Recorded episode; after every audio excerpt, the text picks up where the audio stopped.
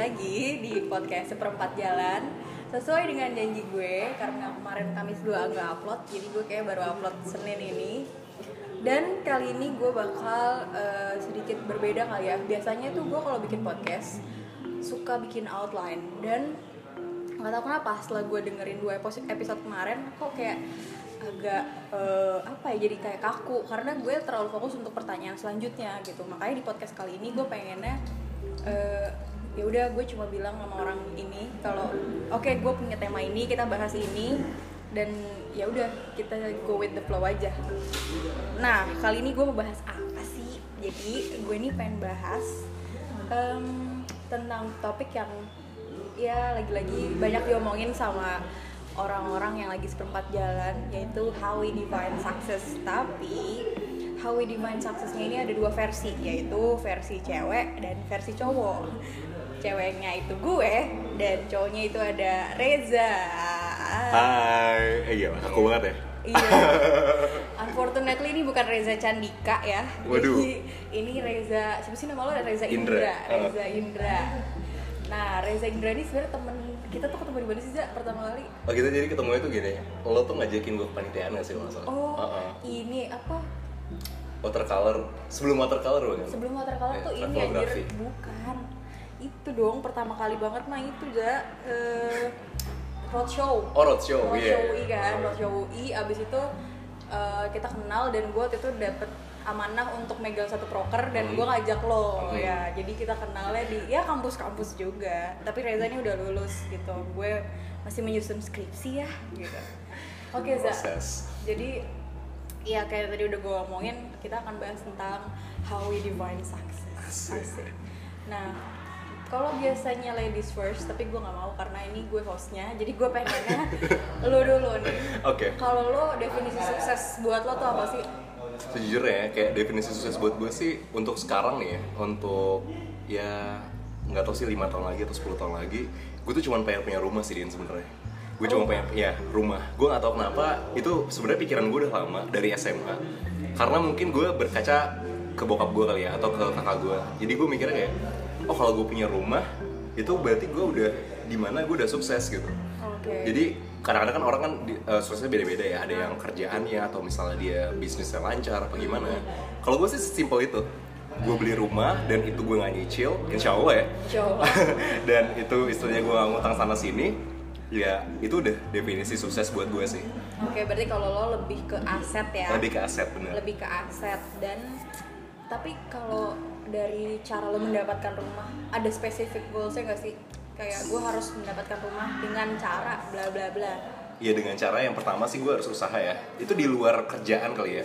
Mungkin sekarang gue kerja di uh, suatu perusahaan swasta, tapi gak menutup kemungkinan gue doing something else kayak misalnya bisnis atau misalnya gue uh, mungkin bikin podcast kali ya kan bisa kan bisa aja gitu kan menghasilkan uang. Oke. Uh, jadi sebenarnya itu dari mana-mana ya asal gue nggak persugihan aja gitu kan. Astagfirullahaladzim ya kan. banyak tuh kalau gue naik gunung Mhm. di pojok-pojok goa itu suka ada tuh yang pesugihan Astagfirullahaladzim. kalau lo mau gue kasih tau di Gunung Lau tuh ada Ya mungkin gue langsung instantly dapat rumahnya ya, cuman gue nggak tahu berkah apa enggak gitu. iya benar. Tapi itu kan eh, berarti masalah aset ya kalau dari segi karir kalau segi karir. Jujur aja gue semenjak gue baru bekerja ini enam bulan ya dan itu gue udah pindah ke tiga. Oh my god emang Iya. definisi kutu loncat. Definisi kutu loncat tapi itu karena habis kontrak. Karena kan gue biasanya cuma intern atau something else gitu Uh, dan sekarang tuh lagi di masa probation gitu dan Ah. Mm-mm. dan gue udah pindah ke tiga tempat dan gue ngerasanya kalau di karir ya mungkin gaji naik kali ya itu yang pertama sama mungkin jabatan lo di lebih better kali ya mungkin Oke. tadi lo staff ya mungkin jadi supervisor or something gitu kan mungkin ya Berarti definisi sukses lo adalah ketika lo punya position punya position di satu company. Hmm, di satu company apa pun itu sih either itu kementerian atau ke perusahaan swasta tapi kalau gue ngeliatnya sih ya begitu sih. Karena gimana ya gue nggak tahu ya kebutuhan gue ke depannya gimana. Kalau misalnya gaji gue lebih gede mungkin gue bisa memenuhi kebutuhan itu ya. Salah satu goals gue yaitu rumah ya udah pasti. Iya gak sih? Oke. Tapi nih at the end of your life lo mau retired as apa? gue mau retired as a- jujur aja karena gue pekerjaan quotation mark gue pertama itu adalah announcer gue sih sebenarnya pengen banget sih untuk orang tuh biasa dengar suara gue gitu Oke, Nah, oh iya gue lupa lo RTC Iya, ya, gue. RTC, iya dong. Oh pantes, udah biasa, udah lihai nih denger-denger Kayak gue jadi agak jiper gue Oh, gitu enggak, ya enggak. Kan lo yang lead di sini. Iya, gue tuh pengen banget orang tuh bisa denger apa sih sebenarnya value di dalam diri lo gitu. Hmm, jadi Either itu positif atau negatif sih sebenarnya. jadi sebenarnya lo pengen recharge as announcer tetap Uh, not exactly announcer sih, lebih kayak tepatnya gue pengen uh, karir gue itu ya di stay on the istilahnya dunia hiburan gitu. Oh, I Uh, see. Ya, giving inspiration. giving inspiration. Terus abis itu eh, cuap-cuap ya, Ya, cuap-cuap, dunia cuap-cuap Ah. intinya. Oke, baik. Terus ada lagi nggak yang mau sampaikan tentang kesuksesan, mimpi terbesar lo selain rumah? Mimpi terbesar gue. Tapi sebenarnya gue penasaran kenapa rumah gitu kan bisa aja kayak gue punya saham sekian, gue punya mobil, kenapa harus rumah gitu? Karena menurut gue rumah itu kayak gue tuh feel safe aja di dalam rumah, bukan di dalam mobil atau bukan bukan di dalam uh, berapa stok yang gue punya gitu kan. Tapi gue mikirnya kayak kalau misalnya rumah, itu tuh gue menunjukkan bahwa Reza tuh begini loh ngerti gak sih? Oh, Oke. Either itu rumahnya gue desain sendiri atau gimana ya. Tapi kayak rumah itu bisa menjadi cerminan bahwa oh itu rumahnya Reza gitu. Kayak misalnya gimana ya? Kalau- identitas lo gitu jadi. identitas gue atau kalau misalnya gini lo lo kalau misalnya suka dengan novel grafik kalau gue kan biasanya baca novel eh, grafik ya Eh, kalau lo tahu eh, pengarangnya itu eh, terkenal adalah Beni Rahmadi ya gue suka banget baca novelnya dia dan itu kelihatannya kalau misalnya oh buku ini itu dia yang ngarang, tuh gue udah tahu dari covernya Oke. dari awal nah gue juga pengen kayak gitu ngerti gak sih gue juga Tapi pengen dalam bentuk rumah. dalam bentuk rumah gitu Oke. Tapi rumah di sini tuh eh, lo definisikan sebagai oke tempat tinggal atau investasi sebenarnya. Tempat tinggal pastinya Oh tempat Hmm. tinggal. Tapi ke depannya ada kemungkinan untuk jadi ladang investasi. Iya mungkin kalau misalnya memang kayak begitu jalannya ya mungkin Oh, gue oke. akan menjadikan misalnya gue beli di mana gitu ya gue beli satu komplek kan bisa aja kan Sus, sus, ya kan amin kan who knows kan Iya benar. Iya. Oke deh kalau gitu. Sekarang berarti sekarang ada- giliran lu dong tentang berarti. gue ya. Iya, tentang lo kalau lo gimana deh Kalau gue, gue sebenarnya udah berkali-kali mengalami perubahan definisi dari sukses karena eh, ya namanya juga hidup, kadang berjalan ke kiri, kadang berjalan ke kanan gitu. Dulu gue pernah mendefinisikan, mendefinisikan sukses tuh kayak kayak lo, kayak di saat sukses itu adalah di saat gue punya jabatan tinggi eh, dan gue memulainya dengan cara gue ikut mana apa namanya apa sih MT tuh ke MT MT tuh manajemen training. Manajemen training. Iya, manajemen training. Tapi eh, somehow setelah gue magang di satu company dan ya ibaratnya corporate lah ya, corporate yang udah settle gitu, gue ngerasa eh, ini bukan gue gitu. Gue nggak bisa eh, kerja atau hidup di tengah corporate culture gitu. Akhirnya eh, ya udah waktu itu definisi sukses gue sempat mengalami kegoyahan gitu.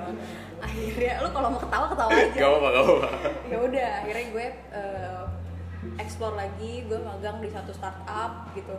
Dan culture-nya jauh berbeda gitu. Sebenarnya dari segi jam kerja jauh lebih le- jauh lebih demanding yang di startup. Karena kalau yang di company kan lo udah udah jelas udah gitu, jelas dari 9 to 5, 9 Iya. to 5 kelar gitu kerjaan lo. Sedangkan kalau di startup ini lo oke start at 9 at- atau 10 gitu, terus kelarnya tuh bisa suka-suka gitu Ya, jam 6 lah biasanya. Jam 6 tuh udah paling mending gitu. Bisa jam 7, bisa jam 8 kayak gitu.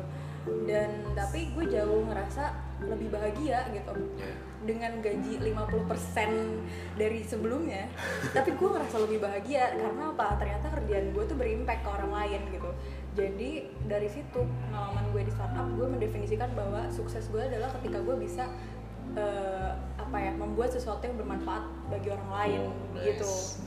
Oke nah Pengabdian tapi banget ya itu adalah ketika gue lagi memikirkan me myself and I gitu kan.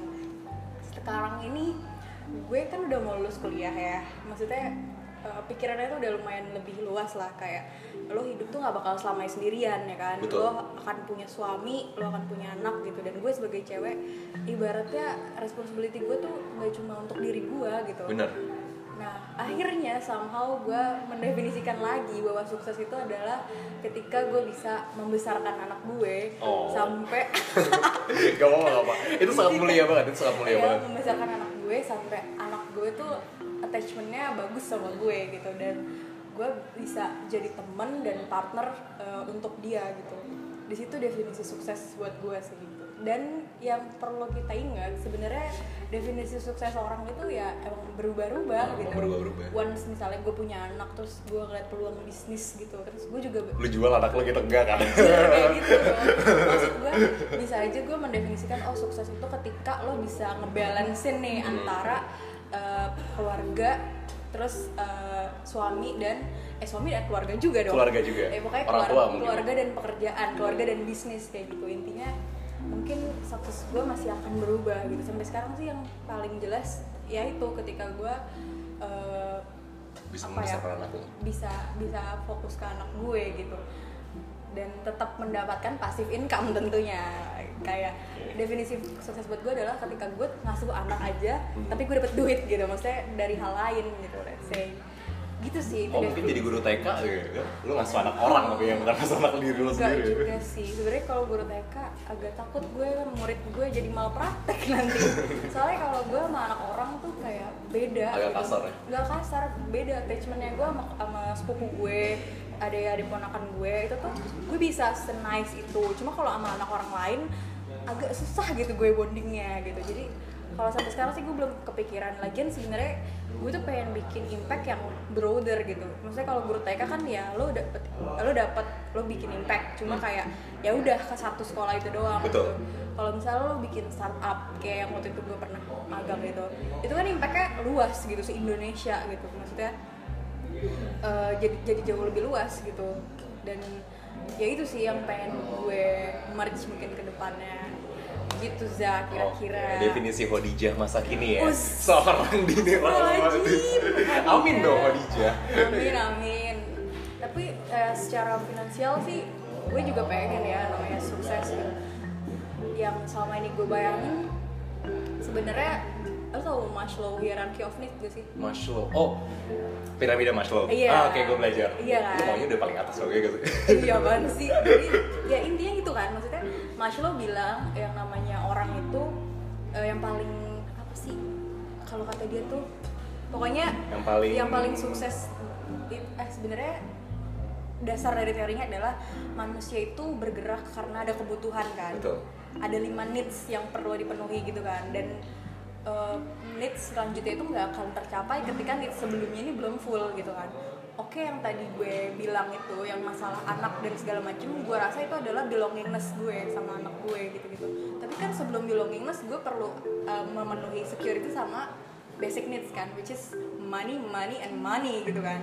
Dan sebenarnya dari situ eh, itu membuka membuka pikiran gue bahwa ketika lo udah bisa eh kalau kalau kata Maslow ketika lo pengen punya belongingness yang bagus ya lo harus memenuhi si basic needs lo itu dan si security needs. Maksudnya lo udah settle secara finansial dan settle secara ya security lo punya rumah lo punya keamanan lainnya tapi ya definisi sukses secara finansial kan orang-orang subjektif ya. Iya, pasti beda-beda juga. Iya, dan gue pun eh, merasa ya sampai sekarang sih gue belum bisa memperkirakan maksudnya finansial yang satu tuh segimana sih?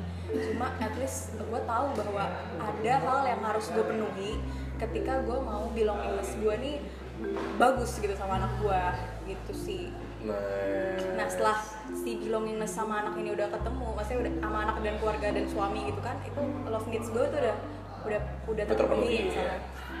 Ya baru deh gue akan memenuhi si eh, apa esteem needs, esteem needs itu which is kayak need for acknowledgement kayak lo punya posisi, lo punya sebenarnya nggak harus posisi kayak misalnya gue jadi speaker, gue jadi Asik. maksudnya jadi Bisa sih. ibaratnya kayak lo tuh diakui gitu baru setelah itu eh, si self actualization which is kayak ya gue bikin yayasan atau gue bikin apa kayak gitu sih kayak lu udah gak butuh uang gak sih kalau di udah di atas tuh udah lu Iya. gak butuh uang sama tapi sebenarnya nggak menutup kemungkinan kayak lo tau Mother Teresa gak sih gue gak tau kalau ada terus jadi Mother Teresa itu eh, salah satu hero gitulah di dunia nyata.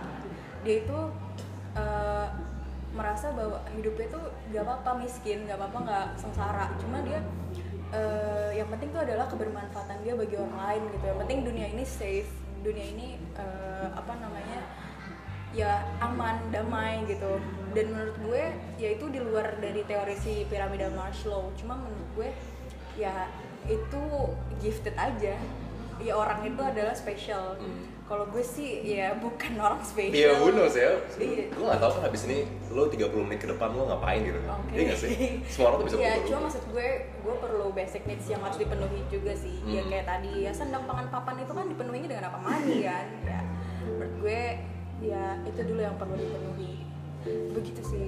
Dan kalau gue, kalau lu nanya gue pengen retire as apa, kalau gue sih pengennya tuh sebenarnya ketika gue nanti retired dari di hidup gue ini, gue tuh punya satu eh, perusahaan ya bisa dibilang perusahaan lah sama bokap gue. Jadi gue udah merancang gitu sama bokap gue kalau jadi gue sama bokap gue tuh punya ketertarikan yang sama gitu. Gue sama-sama suka training maksudnya suka jadi fasilitator gitu suka jadi trainer. Dan bokap gue eh, juga di dunia pendidikan kan.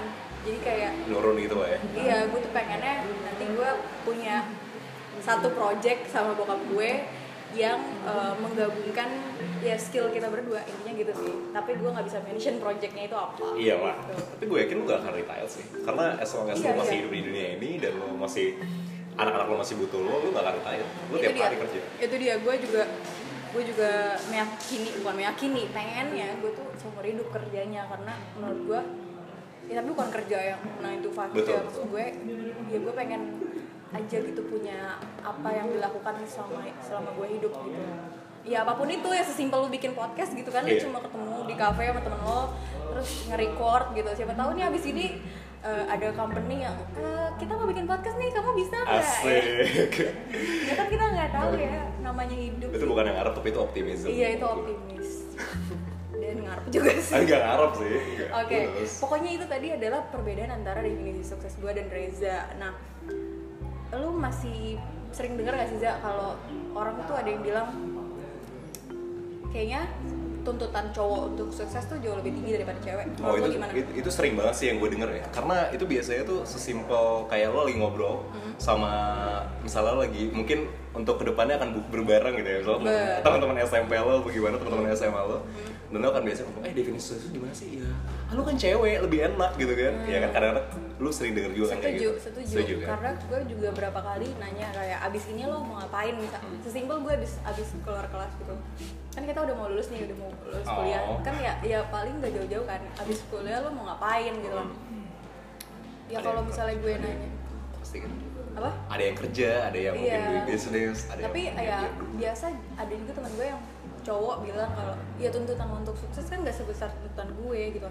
Tapi menurut gue ya itu kan tuntutan lo ada dari diri lo kan. Dan nggak bisa dibilang cewek jauh lebih dikit tuntutan daripada cowok sebenarnya.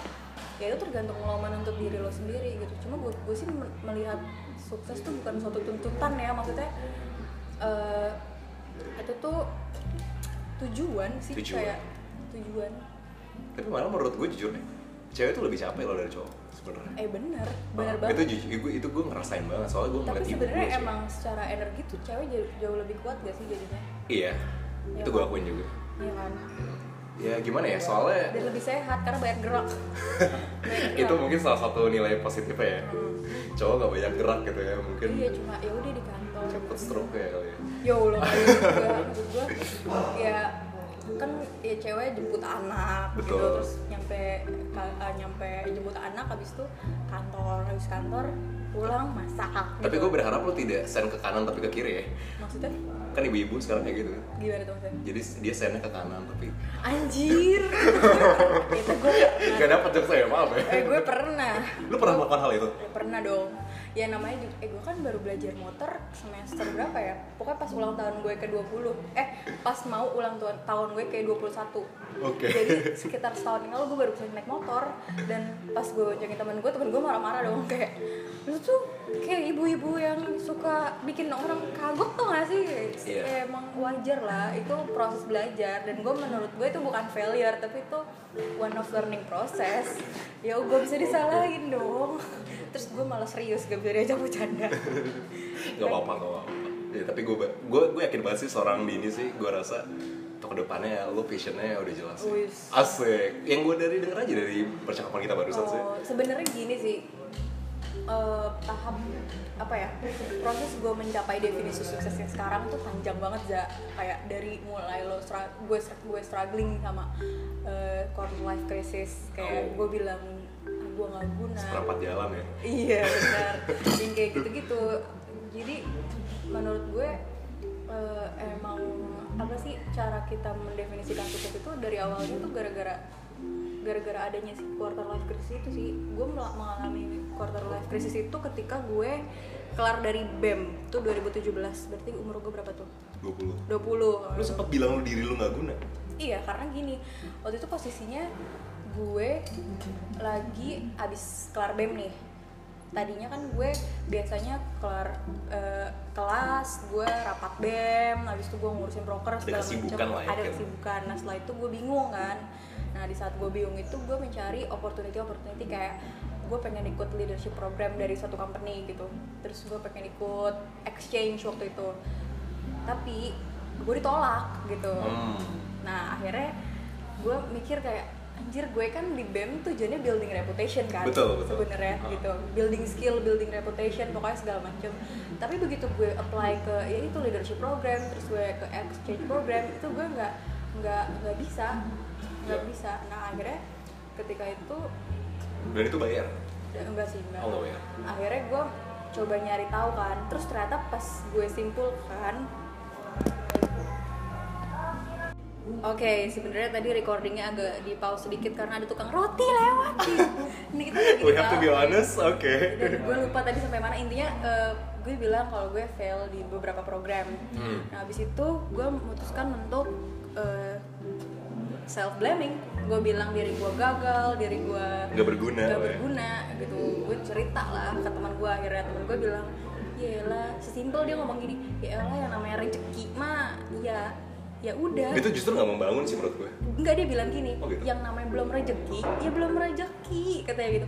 Mau lu jungkir balik, kalau di situ bukan tempat lo ya bukan gitu kan. Terus akhirnya gue mencoba untuk evaluasi diri kan, apa ya waktu itu yang menurut gue eh, kurang dari gue pertama English gue, Oh, English gue emang oke. broken banget waktu itu. Terus sama yang kedua adalah eh, waktu gue nulis motivation letter, gue ngerasa gue nggak genuine, I'm trying to be good. Kayak gue nggak ngomongin tentang diri gue, tapi gue Try to be someone jadinya. Iya, gue trying to be someone yang sebenarnya itu bukan gue. Jadi kayak Oh. ketika lo nulis tentang deskripsi diri kan lo cerita tentang diri lo kan. Benar. Tapi gue tuh menceritakan tentang uh, sisi ideal dari seseorang yang maksudnya Seorang perempuan iya ya. seorang perempuan lah, Ah. Kak, seorang kandidat yang akan dipilih lah. gitu. Jadi intinya gue belum mengenal diri gue di situ. Jadinya di situ gue ngerasa kalau oh, oke gue perlu untuk lebih kenal tentang diri gue gitu kan. Ya, sampai akhirnya gue mencoba untuk intern. Lagi-lagi di intern gue juga ngerasa eh gue beberapa kali ditolak. Sampai akhirnya gue diterima sama salah satu agency gitu. Dan di situ gue ngerasa agak sedikit eh, apa ya bangkit. Karena oh setelah gue masuk ke real life di apa ya real apa sih kayak industri yang sesungguhnya ternyata Nggak sesimpel yang lu kira pasti kan. ya nggak simple cuma maksud gue eh, ada juga loh kayak segmen-segmen tertentu. Maksudnya kan gue juga compare gitu sama sama temen gue yang magang di industri lain gitu kan. Oh eh, emang sebenarnya yang gue apply kemarin tuh mungkin out of my league gitu kayak nggak seharusnya gue dengan capacity segini apply ke situ gitu. Kalaupun lo pengen masuk ke situ ya lo harus improve capacity lo dong kayak gitu dong. Akhirnya gue eh, menyimpulkan bahwa oke gue udah lumayan tahu nih tentang industri gitu. Ya udah akhirnya dari situ gue mulai kayak eh, ya setelah gue magang itu kan gue ya gue masih ngerasa oke aman-aman aja gitu tapi setelah gue selesai magang gue liat teman-teman gue yang lain uh oke ada yang ketawa. Ada noise nih kayaknya. intinya dari situ kayak gue ngeliat eh, ternyata dunia tuh jauh lebih ini loh lebih luas dan banyak hal yang harus lo explore gitu. Jadi gue nggak bisa apa ya nggak bisa stay di zona nyaman gue untuk itu semua gitu untuk untuk untuk meraih itu semua maksudnya Tapi menurut lo kalau misalnya lu bilang aku nggak bisa stay di zona nyaman lo, Mm. Tapi kalau misalnya yang lu bilang tadi di awal adalah Hmm. itu out of your league. Gimana bisa koneksi ya Dini? Maksudnya gini loh. Hmm. Misalnya lo melakukan pekerjaan yang sebenarnya bukan lo banget nih untuk meraih sukses lo itu. Ah. Misalnya lo jadi apa sekarang? Misalnya lo jadi desain grafis gitu. Gue gak tau sih kalau lo bisa apa enggak. Ini kan just an example ya. Ah. Itu kan out of your league. Ah. Tapi itu juga di luar zona nyaman lo, bener gak? Oke, sebenarnya gini nih. Tadi kan problem gue ada dua. Ada gue pertama ditolak sama banyak company karena gue dan gue ngerasa out of my league. Terus yang kedua gue belum kenal diri gue kan. Jadi dulu tuh gue kayak gue bener-bener uh, apply ke semua company yang gue pun nggak tahu sebenarnya background backgroundnya apa dan eh maksudnya gue tahu backgroundnya back- background company itu cuma gue nggak tahu itu tuh fit sama diri gue atau enggak Oh, gitu jadi ya ketika gue setelah dari situ gue baru baru nyadar gitu setelah gue magang tuh gue oh iya kemarin-kemarin itu kenapa gue nggak di oke ada motor lagi jadi kenapa gue nggak diterima itu karena ya mungkin emang bukan tempat gue gitu bukan out of my league tuh bukan yang kayak eh, Ini gak lu banget itu, bukan kayak gitu. Tapi lebih kayak tepatnya lu gak deserve di situ apa gimana? Ya maksudnya kalau misalnya bukan bukan masalah level kesulitannya ya kayak Mm-mm. kalau level kesulitan kan kita ngomongin ya masalah seleksi dan segala macam. Iya. Cuma sebenarnya bidangnya yang nggak sesuai. Oh. Kayak let's say gini, gue mau gue apply di UX. UX UX writer nih ceritanya. Eh, yu- bukan di UX design sorry UX research. Terus habis itu gue juga apply di apa ya waktu itu tuh employer branding which is itu lebih marketing kan anak-anak marketing yang gitu jadi kayak ya itu emang bukan bidang gue ternyata gitu setelah gue masuk eh gue masuk ke yang lebih sempit lagi which is HR gitu yang benar-benar anak Recruiter lah ya, paling iya ya. recruiter gitu. Ternyata gue diterima gitu. Oh, maksudnya emang oke. sebelumnya gue agak bodoh aja belum belum kenal diri gue tapi main apply apply aja gitu. Gitu sih. Dan setelah itu tapi kan gue baru sadar ketika gue udah kerja di HR udah magang dua bulanan lah. Oh kerjanya terlalu administratif. Gue nggak di apa ya gue tuh nggak merasa eh, apa ya It suits you gitu, nggak merasa itu gitu. itu itu bukan itu bukan gue gitu Sama jagi berarti problemnya ya. iya lu pernah kayak gitu juga gue pernah, dulu gue pernah jadi HR, Heeh. tapi tuh ngerasa gue itu gue banget. oh gitu Ah, terus eh, kerjaan kedua gue setelah itu eh, writer, jadi gue nulis blogging gitu, dan itu dibayar. Itu gue ngerasa ini gue banget deh. Tapi abis itu gue pindah lagi ke social media spesialis. Dan rasanya itu gue banget gitu. Jadi Ya, itu kalau menurut gue interest orang mungkin ya, lebih ke kayak mungkin interest lu banyak dan lu Iya, belum iya, iya, lu belum bisa nge-explore itu lebih lanjut gitu. Mungkin seorang Dini bisa menjadi gimnastik, who knows gitu kan. anjir ya who knows kan. kayak itu jauh banget sih Eh, atau jadi apa ya? Hmm, ya something like that, researcher mungkin. ya mungkin ya sampai sekarang pun gue masih proses eksplorasi gitu gue nggak pernah eh gue bukan nggak pernah gue belum sampai tahap kayak gue harus di sini gitu. Karena sebenarnya apa ya gue sih ngeliatnya gue udah tahu potensi gue udah tahu gitu. Dan track record gue juga sebenarnya udah di satu track yang benar gitu. Satu track yang satu tujuan gitu. Tapi gue ngeliat opportunity di luar sana banyak nih yang bisa gue explore gitu. Somehow itu tuh bisa bikin gue jadi kayak apa gue coba ini ya?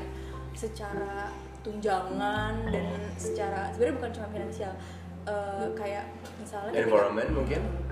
kayak ya empowermentnya misalnya. Terus kalau misalnya lo ikut di satu bidang eh, satu bidang itu misalnya si A eh, si bidang A ini lo bakal banyak di training lo bakal banyak kesempatan untuk nge-develop diri lo gitu. Dan itu yang bikin gue jadi kayak aduh should I take this one? Kayak gitu loh. Ya sekalian lu nambah skill juga gak sih? Jadi Nambah skill iya. jadi nggak se nggak selamanya kan lu menjadi HR di dunia ini gitu kan Iya. bisa aja lu bisa jadi yang lebih baik lagi dan ya itu financial part sih lebih tepatnya kalau kalau gue nggak tahu kalau kalau lu gimana ya begitu lah semakin naik semakin enak sih tapi sebenarnya kita jadi ke mana-mana nih Oh iya, ini bener juga nih. sebenarnya kayak tadi kan kita ngobrolin masalah definisi sukses Iya, maksudnya eh, apakah sebenarnya ada ada stereotip kayak gitu masih ada? Ya sebenarnya masih ada ya saya, Masih ada, ada. masih Tapi ada. gue sendiri bodo amat, iya nggak? Iya nggak? Lu bodo amat gak? bodo amat sih Tapi lu sendiri kalau misalnya lu punya pasangan, lu harus punya pasangan yang lebih sukses dari lu nggak? Atau justru kalau lu kan lu cowok nih, lu harus punya pasangan yang lebih gak sukses dari lu atau wah gimana? ini ke mana-mana nih jadi Tapi itu kan masih we iya define sih bener sih enggak sih gue sih Ini sangat cewek-cewek di luar sana lagi ngincer Reza bisa aja ya kan ada ada gimana ya kalau menurut gue gue kan support apa pun itu yang terjadi sih kalau menurut gue misalnya let's say uh, nanti ya Indian ya if, if gue masih hidup di dunia ini dan gue menikah kalau misalnya ternyata istri gue lebih sukses dari gue nantinya ya gue akan support lah gimana sih? As long as ternyata dia nggak ngadalin gue at the end gitu kan misalnya. Tapi lu secara power Ah. cowok kan biasanya need for powernya lebih tinggi nih betul betul lo ngerasa nggak kalau misalnya cewek lo punya gaji lebih besar dari lo power lo jadi lebih kecil gitu untuk ngatur dia Uh, ini mau pakai pengalaman pribadi gak? eh gak apa-apa. eh, Gak ya, nggak apa-apa Oke. tapi maksudnya pengalaman pribadi dan disertai dengan Oke. eh, gimana ke depannya Oke, jadi hmm, jadi sebenarnya gue pernah ngedate sama orang yang itu bener-bener jauh di atas gue. oh. Kondisi gajinya dia, kondisi keuangannya dia, dan juga kondisi uh, pangkatnya dia di pekerjaan sekarang. Hmm. I've dated a 27 years old dude. Oh, Sumpah. shit.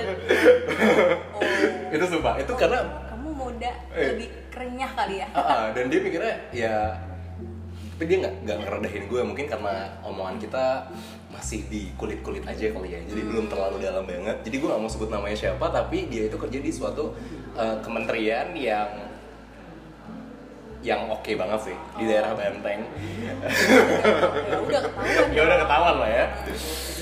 Ya gue mungkin akan merasa inferior di situ. Cuman gue kerasanya men gue punya value yang juga lo mungkin nggak punya. Jadi untuk apa lo minder gitu? Oh jadi lo sendiri dari pengalaman dari lo nggak ngerasa kayak minder gitu? Nggak. Iya, mulai dari umur sih minder ya, beda lima tahun sama gue kan itu yang pertama. omongan-omongan kayak topik-topik kan sebenarnya lo udah beda generasi gak sih? Misalnya Iya, di beda saat di saat lo nonton Shinchan dia waktu itu nonton apa kalau pagi? Dia nonton, nggak tahu deh gue nonton apa dia pagi-pagi.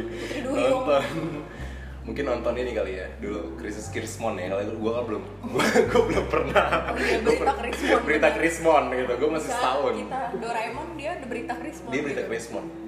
Kalau soal omongan sih enggak ya, karena gue uh, I've talked to so many people yang mungkin itu uh, people itu adalah lebih di atas gue. Pertama mulai dari umur, mulai dari jenjang karir juga dan sebenarnya sih ya insya Allah gue punya ability itu untuk uh, ya itu studi kasus etnografi sih bukan etno, studi kasus etnografi Etnografis.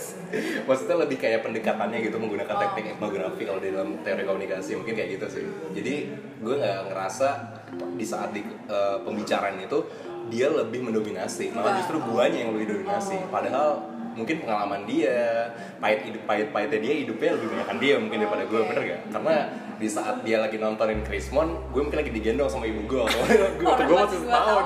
setahun malah setahun ya? Oh ya, 97 ya. iya 97 Dan Iya. ke- tapi kenapa akhirnya lo nggak jadi sama dia? Kenapa akhirnya gue gak jadi sama dia? Karena gue menganggapnya dia seperti ibu gue, ngerti gak sih? Ay, Ay, mother zone guys Astagfirullahaladzim, dedek ya kamu Gue lebih ya? tepatnya kayak Dedek ya? Ya kadang-kadang dia ngomongnya ke gue Ah, gue capek deh ngomong sama bocah gitu, kadang-kadang gitu Serius? Sumpah Ya. Ya mungkin beda kali ya Tapi ya gue gak ngerasa Ya hubungan interpersonal kita baik-baik aja sih sebenarnya Iya, cuma mas- mungkin masalah ya personality. Personality. Bukan bukan karena perbedaan usia ya. Kalau gue pribadi ngerasa apakah cowok gue harus lebih sukses, gue ngerasa sih kayak untuk saat ini karena gue belum pernah dapat uh, income yang rutin gitu. Saya gue kan dapat income ya paling ya dapat dari freelance kayak gitu. Gue ngerasa uh, apa ya emang belum ada masalah sih dengan dengan apa dengan perbedaan itu kayak. Apa pun itu lah sebenarnya gini sih gue tuh gue pernah juga kayak gue uh, punya ekspektasi untuk gue pengen cari yang udah mapan gitu kan. Oh, iya. karena gue ngerasanya Pet lo lebih gampang gak sih jadi?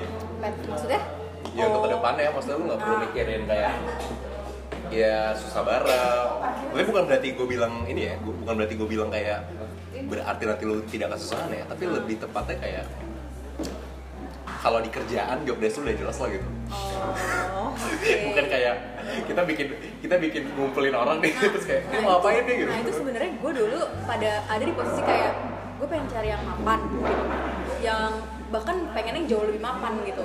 Karena gue pengennya ketika gue nikah gitu gue udah enak gitu kan. Eh, kurang ajar lo ya. gue pernah gue pernah ngedate sama orang kayak gitu. Hmm. dan tapi jauh banget kayak apa ya? Pasti kaku kan jadi kayak eh, jauh banget dari kehidupan gue. Maksudnya kayak karena dia udah mapan gitu. Gue nongkrongnya di tempat-tempat oke. Sama- Oh. kalau sama dia. Tapi oke nya tuh menurut gue apa ya kayak bukan gue gitu. Ya gue biasa nongkrong yang kayak ya udah biasa di kafe biasa. Nah ini kayak gue disuruh nong- gue diajak nongkrong di yang fancy fancy gitu. Hmm. nah itu menurut gue ya pertama-tama gue ngerasa ih enak gitu kan. Tapi lama-lama gue ngerasa kok eh, kurang gitu. Kayak gimana ya? Kayak itu bukan diri gue gitu. Ngerasa kayak lama-lama emang bener kalau kata teorinya set psikologi keluarga pasangan yang ideal itu adalah yang secara finansial nggak beda jauh secara pangkat keluarga tuh nggak beda jauh. Pokoknya ya secara personality pun nggak beda jauh gitu. Dan gue ngerasanya ya itu mah teori doang kali gitu. Ternyata benar ternyata benar pas gue rasain kayak setelah lama-lama dan gue kan ngeliatnya keluarga dia tuh eh, beda gitu ya maksudnya secara keluarga gue kan backgroundnya PNS gitu. Sedangkan dia keluarganya yang kayak sebenarnya pegawai swasta gitu cuma kayak emang ada keturunan yang ngerat gitu. Jadi culture keluarga gitu yang kayak sopan banget oh. yang kayak gitu-gitu loh. Dan jadinya aduh kayak emang gak bisa deh gue sama orang yang terlalu jauh gitu. Dan makin ke sini gue tuh makin baca literatur tentang apa ya perbedaan membangun eh membangun membesarkan anak dengan orang yang udah udah settle sama dengan apa kondisi finansial yang masih biasa-biasa aja itu akan beda gitu outputnya. Sebenarnya tergantung dari tergantung dari kita nge-approach-nya. Cuma kalau misalnya kita besarkan an- kita besarin anak dengan cara dia susah dulu terus kita juga ngerasain susahnya dulu outputnya tuh bakalan eh, anak ini tuh bisa diajak susah gitu. Oh gue paham ngerti sih? kayak nggak cuma enak doang nih anak gitu. Tapi mungkin gak sih Din? Ini lo ngerasa begitu karena lo mungkin belum di levelnya dia bang mas? Maksudnya? Once you udah di levelnya dia lo akan ngerasa yang sefancy fancy itu ya lo itu it's a normal thing gitu. Iya cuma itu bukan cuma masalah itunya maksudnya pembawaan lo sehari-hari kayak hmm oke oke gue paham. ngaruh ke pembawaan. Masalahnya background keluarga kita juga beda yang gue bilang tadi ya. Background keluarga dia eh, apa ya ibaratnya yang ningrat kayak gitu. Gue sedangkan ngomong ini kok gini sih. Iya kan lu apa sih merinding? Gak tau gue chill aja gitu kayak. Iya, keluarga keluarga sedangkan keluarga gue yang kayak ya makan aja masih sering lesehan yang kayak keluarga dia tuh yang kayak pakai sendok garpu. Mungkin ini terbang kali makannya ya. Anjir itu mau di pesawat dong. Enggak maksudnya ya ya yang kayak gitu-gitu loh yang yang gak cocok. Nah sampai akhirnya gue eh, deket sama ya cowok yang setara lah sama gue. Ternyata itu jauh lebih bisa kayak ya udah gue jadi be myself banget sih gitu. Dan emang bener nggak beda jauh ternyata kalau kata psikologi keluarga orang yang cocok tuh gitu. Oh my god. Tapi sebenarnya kalau dari besar besarnya pendapatan ada lo harapan gue untuk punya apa ya lebih banyak pendapatan. untuk punya suami yang pendapatannya lebih besar daripada gue. Karena gue pribadi itu orangnya eh, suka mendominasi ya gitu. Oh, karena gitu gue ya. dari dari apa dari kecil gue tuh anak pertama. Ini gue ngerasa didominasi mas. Gak, gak, gak, gak, gak, gak, gak, gak tapi ya itu nggak heran sih karena gue banyak banyak hal banyak kesempatan banyak situasi yang bikin gak tahu kenapa gue jadi pe- pengen mendominasi gitu. Jadi dari dari kecil gue anak pertama. Terus habis itu eh, di rumah tuh gue eh, lebih sering diturutin kayak gitu. Jadi kayak gue tuh pengennya nanti ketika gue punya suami eh, dia tuh punya power lebih gede dari gue gitu Oh. maksudnya jangan sampai dia eh, kayak soalnya ada tendensi orang yang gajinya eh suami yang gajinya lebih kecil dari cewek eh, ada yang jadinya kayak mau ngatur tuh jadi nggak enak gitu kayak Hmm. kan duit istri gue gitu Betul, jadi betul, kayak betul. Gue nggak pengen nantinya suami gue nih jadi kalah power sama gue gitu Hmm. itu sih nah sebenarnya power juga beda-beda kan ya Iya. cuma maksudnya kalau gue sih ngeliatnya ya ada ketakutan bahwa nanti ketika gue merasa bahwa ya duit duit gue yang kayak gitu gitu jadi gue ngerasa mendominasi dan akhirnya Dia jadi gak enak juga gak sih? iya Uh-uh. tapi jadinya ya suami gue nih lack of power gitu gitu sih gue lebih ke arah situ Ini gue ini baru gue baru pertama kali nemu orang yang dia itu dia suka mendominasi tapi dia tapi dia mau didominasi juga Eh, gitu itu butuh maksud gue kalau di rumah tangga gue ngedominasi terus suami gue kasihan gue kasihan gitu sama Jadi kayak bapak rumah tangga sih? Udah kamu aja yang kerja gitu. iya iya iya iya sumpah Aku tanaman. iya dan ya untungnya gue sadar ya gitu Iya, nggak apa-apa. Kalau emang begitu ya gue udah ini ini jadi nggak apa-apa nih pribadi.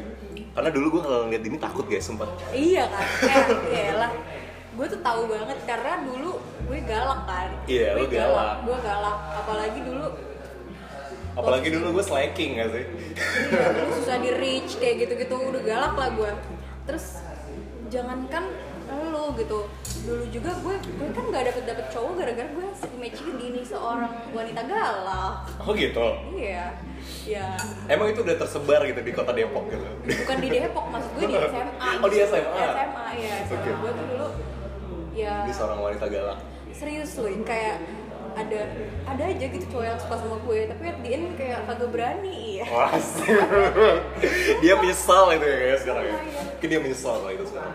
tapi itu juga jadi kayak sekarang tuh kebawa kayak misalnya gue di manusiawi itu tuh cewek satu-satunya loh Oh. tapi tapi gue yang kayak paling ngingetin kayak "Eh, guys eh, ini ada di sini ya ini kayak kayak apa ya kayak Ya udah Wadijah banget deh ya. Iya gak sih? Dia adalah seorang leader ya kan. ya maksud gue kayak nggak bisa gitu gue dapet cowok di situ tuh gue nggak bisa maksudnya gue tuh nggak bisa cinlok gitu karena Oh. karena cowok-cowok di situ tuh udah tahu gue galak gue Hmm. terlalu apa ya berarti kayak gue perfeksionis kalian terus di sekarang gue juga Mungkin lagi OCD kali ya.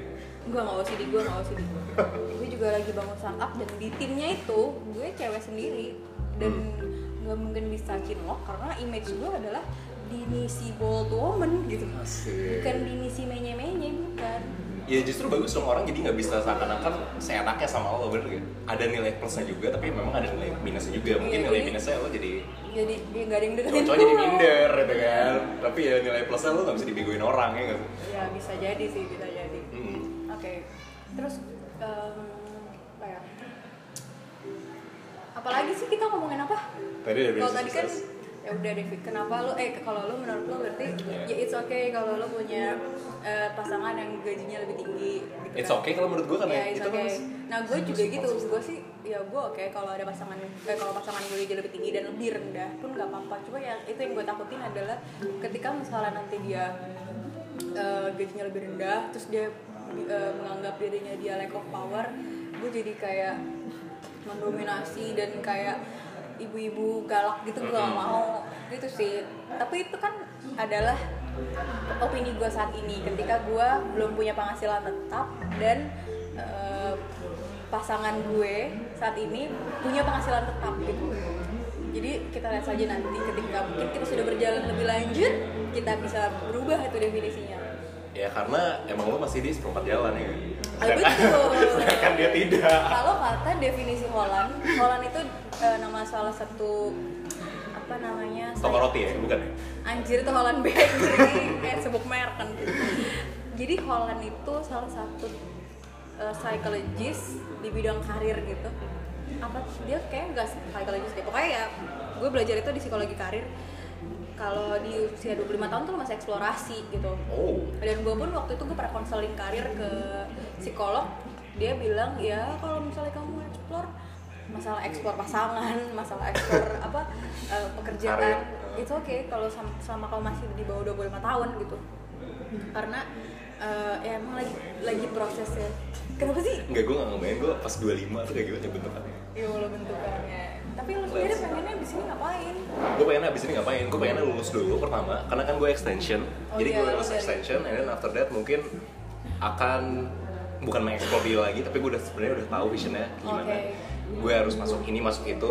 Kalau misalnya itu tidak bekerja pun gue udah punya plan B.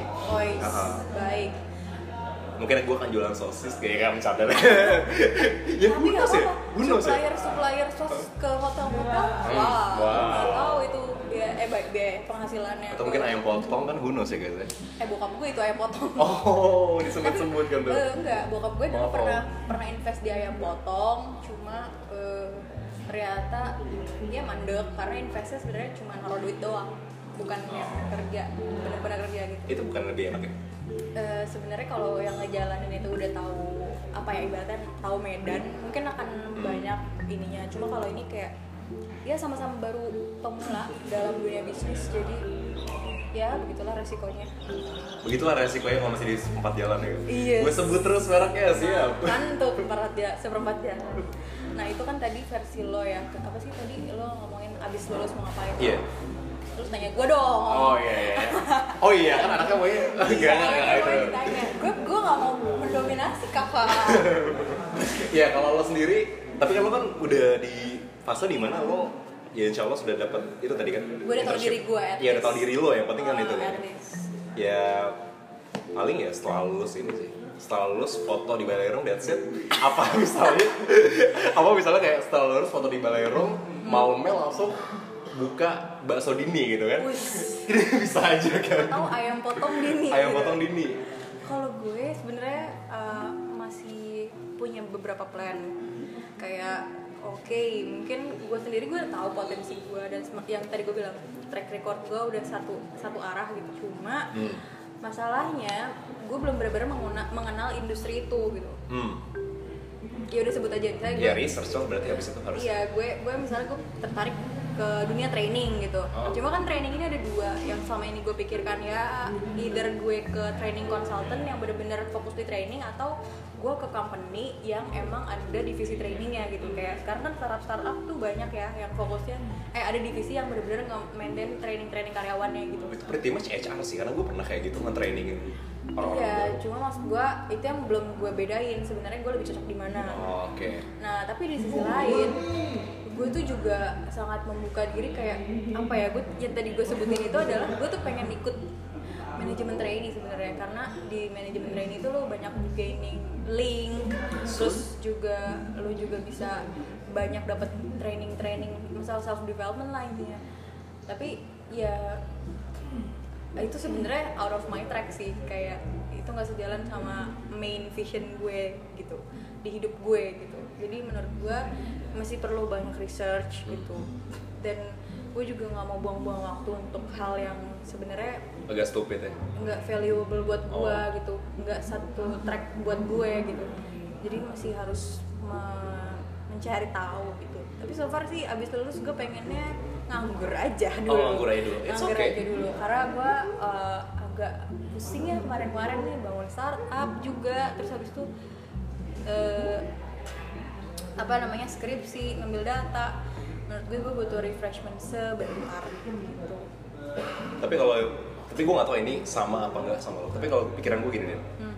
orang itu punya eh, istilahnya jatah gagal masing-masing ya? Yes nah kan? yes kan itu tunggu. Tunggu tunggu tuh kenapa itu kenapa Muhammad Hatta bukan sih Muhammad Hatta. Iya kan? Heeh. Muhammad Hatta kan iya. Iya, dan gue ngerasanya sekarang itu saatnya kita gagal. Saatnya lu dan gue dan Banyak. mungkin teman-teman. Kita buang-buang aja nih Buang-buang jatah- gagalnya dulu. jatah gagal kita lu ditolak 100 kali ya udah. Tolaknya dia terus ya terus Iya, kali di perusahaan apa pun itu. Benar, tapi ya benar. dan tadi juga lu sempat mention di awal kalau lu pernah beberapa kali gagal kan? Gagal dalam bidang apa dulu? Dalam bidang akademis. Oh, iya. tapi kalau percintaan gue bodo amat sih.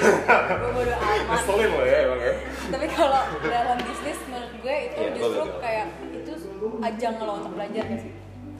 Dan ya karena selama lo masih di proses kegagalan ini menurut gue ya surround yourself with optimistic people sih. optimistic people ya karena kalau lo ad- ada di lingkungan yang pesimis lo gagal tuh lo bakal kayak ya tuh kan dibilangin juga udah gak usah mulai ini Makanya nggak usah mulai-mulai. Iya, makanya gak usah ini kamu sih so tau kayak gitu-gitu karena gue pernah ada di lingkungan kayak gitu dan rasanya nggak enak banget gitu loh kok gue gagal bukannya dibangkitin malah dijatohin Iya. gitu jadi nggak enak banget sih. Lagian sih mulai-mulai ngechat gitu misalnya ya ya Enggak, enggak, enggak, enggak, enggak, enggak, enggak, enggak, enggak, enggak. Eh, Itu bercanda. audiens- gue kenal semua nih sama lo. Eh masa? Ada. Enggak anjir. Sepuluh ribu follower di Rahmawati emang nggak mungkin kenal gue semua. Seribu lah. Sepuluh ribu. Sepuluh ribu sun. Kalau sepuluh ribu udah bisa startup saya. Oh, oke deh. belum bisa. Kenapa belum bisa? Karena masih di seperempat jalan. Bener, udah deh selalu. Ayo selain aja terus.